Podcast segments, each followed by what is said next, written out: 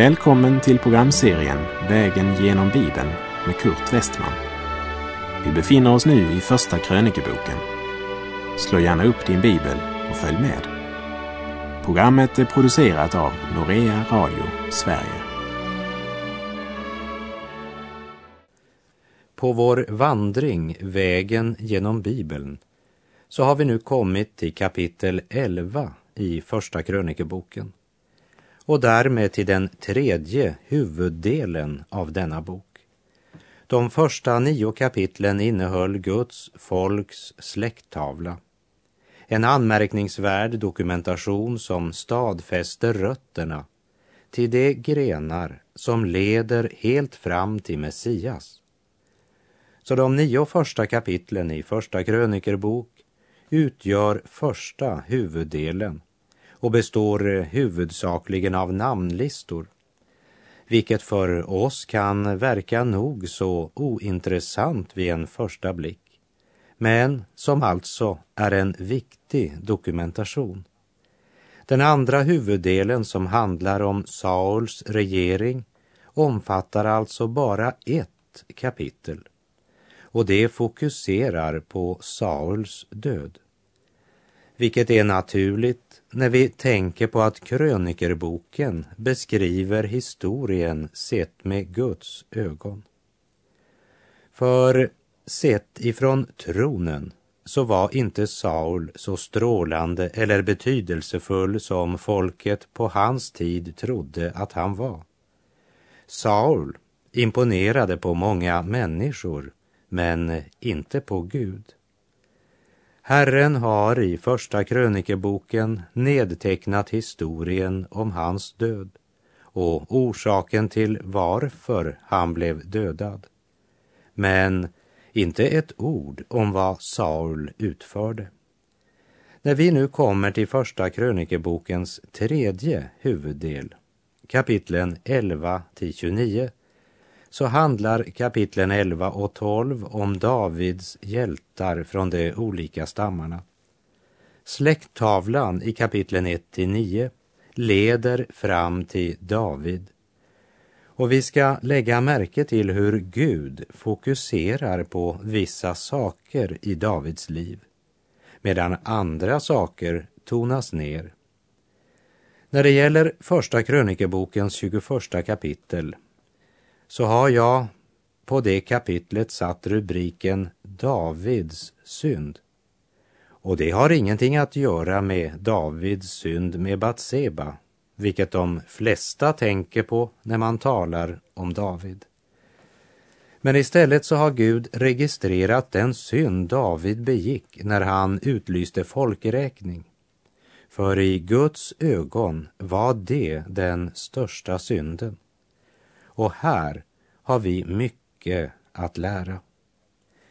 Många kristna betraktar vissa saker som synd medan det är andra saker de inte alls anser vara synd. Men jag tror att när vi kommer in i Guds närhet så kommer vi att upptäcka att vi hade en hel del falska meningar när det gäller det här. Det som människan trodde att det bara var en bagatell och ganska betydelselöst visade sig i Guds ljus vara synd. När det gäller David så kunde ju alla människor utpeka honom som syndare när det gällde Batseba. Och Gud straffade honom också för det, för det var en fruktansvärd synd. Men Gud gav honom förlåtelse därför att han bekände sin synd inför Herren. Och även om det här med folkräkning för oss inte verkar som någon allvarlig synd, så ska vi i krönikerboken lära och inse att i förhållande till Gud så var det mycket allvarligt. Och vi kommer att förstå varför och det borde ge oss alla ett nytt perspektiv på vad synd verkligen är. Vi måste inse att synd omfattar inte bara handlingar, vad vi gör eller inte gör, Men det gäller också syndiga tankar och syndiga motiv.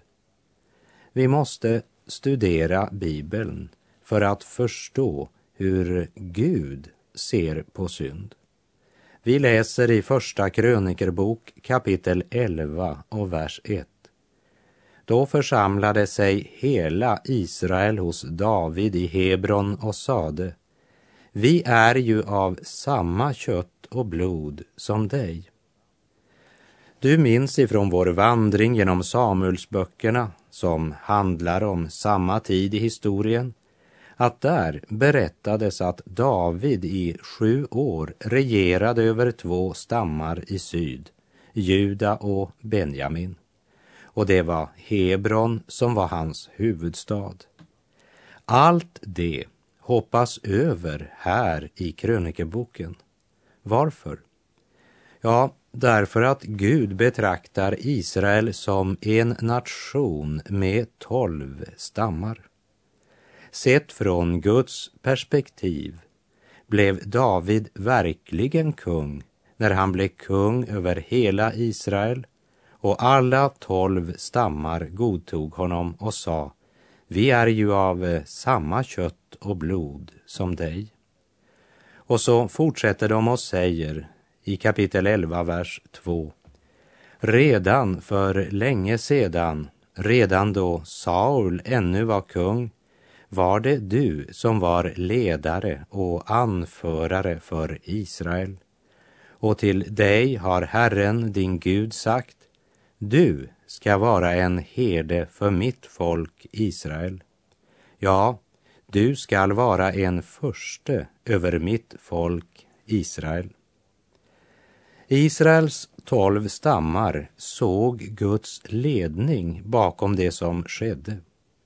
Och David blev ju inte heller kung förrän folket accepterade David som den som Gud hade utvalt.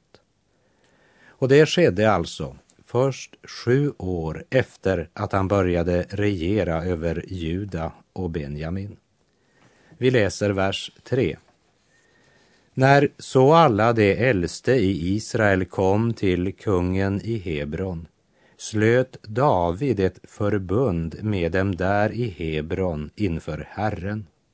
Och sedan smorde det David till kung över Israel enligt Herrens ord genom Samuel. Nu är David kung över alla Israels tolv stammar. Och i Guds ögon så är det från och med nu David börjar regera i Israel. Vers 4. Och David begav sig med hela Israel till Jerusalem. Det är Jebus. Där befann sig jebuséerna som ännu bodde kvar i landet.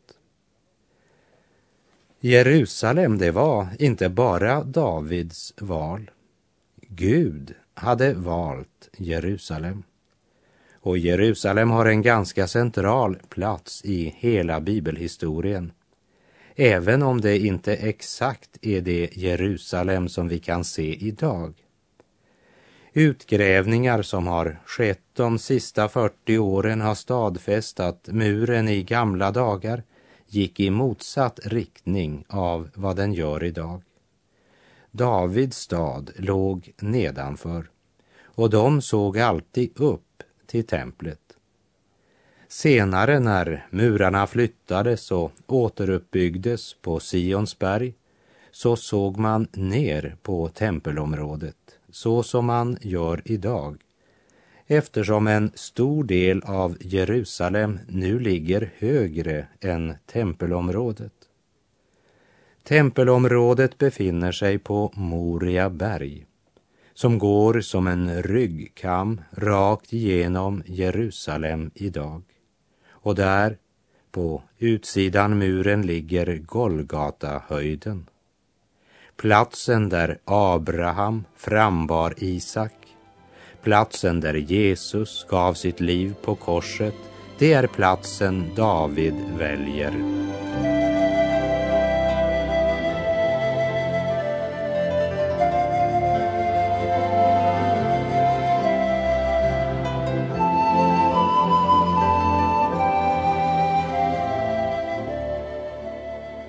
Första krönikerbok kapitel 11 och vers 5.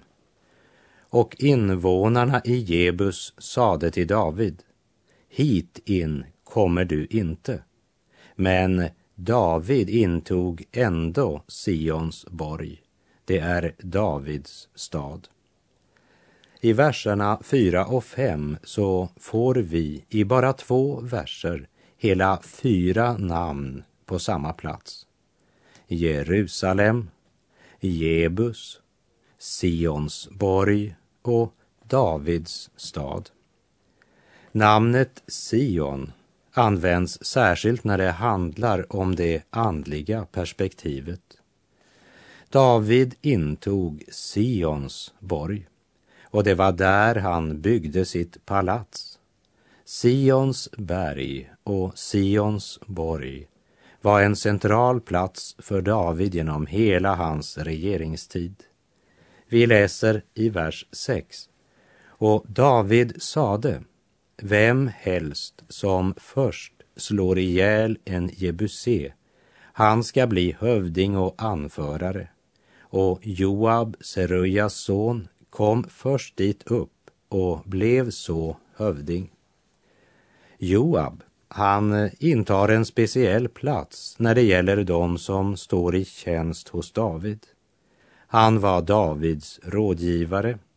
Han tillhörde gruppen som kallades för Davids hjältar och han är den som har ansvaret för alla Davids trupper. Vers 7 och 8. Sedan tog David sin boning i bergfästet. Därför kallade man det Davids stad. Och han uppförde befästningsverk runt omkring staden, från Millo och allt omkring. Och Joab återställde det övriga av staden. Joab hade alltså inte bara ansvaret för Davids armé men han var också ansvarig för restaureringsarbetet. Vers 9.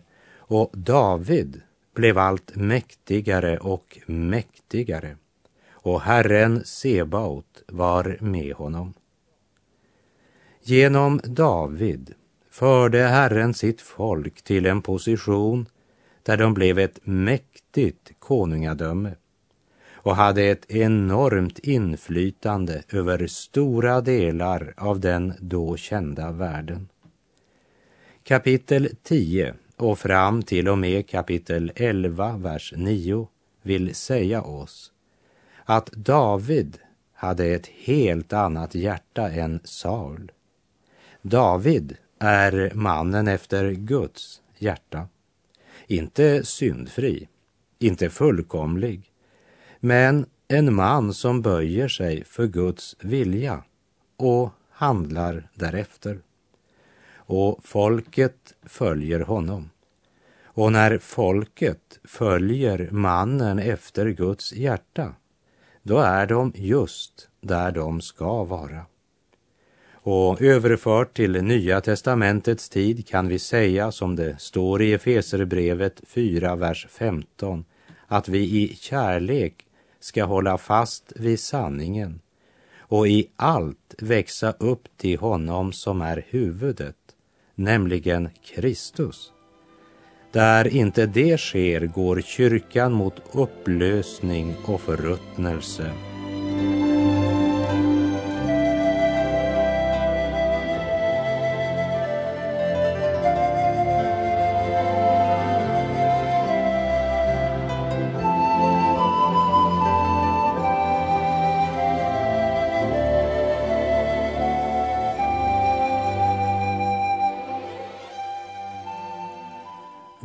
Davids hjältar, ja, det var sådana som hade kommit till honom under den tid han var förkastad, föraktad, medan han flydde undan kung Saul.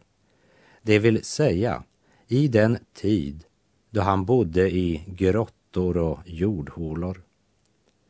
För eh, vi minns ifrån Samuelsböckerna att under den tid David var förföljd av Saul och hans män så var det många som sökte sig till David och alla slags män som var i något nödläge, alla som var skuldsatta och ansattes av fordringsägare, de kom till David.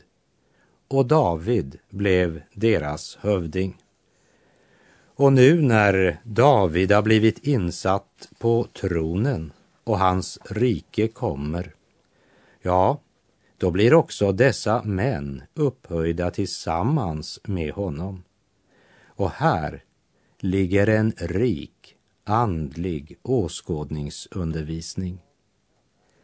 Idag kallar Jesus människor till frälsning och helig gemenskap. Och vi befinner oss verkligen i en värld som förkastat och föraktar Kristus. Hans eget folk tog inte emot honom och även bland andra folk har de flesta vänt honom ryggen. Kristus är idag förkastad av världen och det är i den perioden han kallar ett folk som kallas att vandra tillsammans med honom. Den föraktade Kristus. Han är vår frälsare, vår Herre och Mästare idag. Så vi måste vänta till Kristi återkomst när han kommer igen i ära, makt och härlighet för att upprätta sitt rike. Då ska vi få regera med honom. Men eftersom Jesus är förkastad, föraktad och hatad så kan jag inte förstå varför så många kristna bekännare försöker bli populärast i stan. För det kan de inte vara. I Johannes evangeliets kapitel 15 säger Jesus bland annat om världen hatar er ska ni veta att den har hatat mig innan den hatat er. Och vidare, kom ihåg vad jag har sagt. Tjänaren är inte för mer än sin herre. Har det förföljt mig skall det också förfölja er.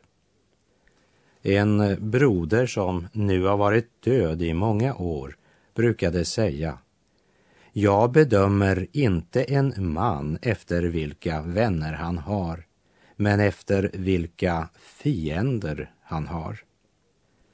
Vi ska inte förvånas över att världen hatar oss. För vi lever i den värld som förkastat Kristus. Och i denna tid kallar han människor att bli hans folk. Vi ska nu läsa om tre av Davids hjältar som utmärkte sig speciellt. Och jag tror att det är viktigt att vi lägger märke till att här ger David inte en order, men han uttalar en önskan. Första krönikerbok kapitel 11, vers 15 till och med 19. En gång drog tre av de trettio förnämsta männen ned över klippan till David vid Adullams grotta, medan en avdelning filister hade slagit läger i Refaimsdalen. Men David var då på borgen medan en filisteisk utpost fanns i Betlehem. Och David greps av begär och sade Ack att någon ville ge mig vatten att dricka från brunnen vid Betlehems stadsport. Då bröt det tre sig igenom filisternas läger och hämtade vatten ur brunnen vid Betlehems stadsport och tog det och bar det till David. Men David ville inte dricka det utan hällde ut det som ett drickoffer åt Herren. Han sade nämligen, må Gud låta det vara fjärran från mig att jag skulle göra detta. Skulle jag dricka dessa mäns blod som har vågat sina liv? Ty med fara för sina liv har de burit hit det och han ville inte dricka det. Sådana ting hade de tre hjältarna gjort. David hade växt upp i Betlehem. Det var hans hemstad och vid stadens port så fanns det en brunn och många gånger när han hade varit ute med fåren och återvänt törstig så hade han stannat vid den här brunnen och fått dricka. Men nu hade filisterna belägrat Betlehem så han kunde inte komma till brunnen och fylld av törst och längtan så uttalar han sin önskan. Det är ingen order, bara en uttalad längtan. Men det finns tre män som brinner av iver efter att få tjäna sin Herre, vad det än kan kosta att utföra gärningen. Men det intressanta är att när David får vattnet så vill han inte dricka det. Istället så häller han det ut som ett drickoffer. Också den här händelsen kan vi lära något av. Jesus föddes i Betlehem. Han är livets vatten. Och det finns många frälsta, frimodiga kvinnor och män som genom århundradena har burit detta vatten ut till en törstande värld. Jag tänker på män som Martin Luther, William Carey, Charles Wesley, Hudson Taylor och många andra. För att inte tala om alla missionärer och evangelister idag. Jag har mött dem i Rumänien, i Albanien, i Ryssland, i Kina, i Egypten, i Slovakien och i Norden. Sådana som eh, lämnat allt för att följa honom som är livets vatten. Filisternas läger kan inte avskräcka dem. Inga barriärer eller gränser kan hindra dem. Lägg märke till att Davids män skyndade att utföra sin herres vilja som endast var uttryckt som en önskan. Han hade aldrig gett befallning om att göra det. Men Gud har givit oss en klar befallning. Jag har fått all makt i himlen och på jorden. Gå därför ut och gör alla folk till lärjungar. Döp dem i Faderns och Sonens och den helige Andes namn och lär dem att hålla allt vad jag har befallt er. Och se, jag är med er alla dagar intill tidens slut. Vi är kallade att bära livets vatten till en törstande värld. Utför vi hans order? Vi vet att Jesus citerade den 22 saltarsalmen när han hängde på korset. Och i Saltaren 22, vers 15 står det Jag är lik vatten som utgjuts. Han tog vårt helvete för att vi ska kunna få dela hans himmel.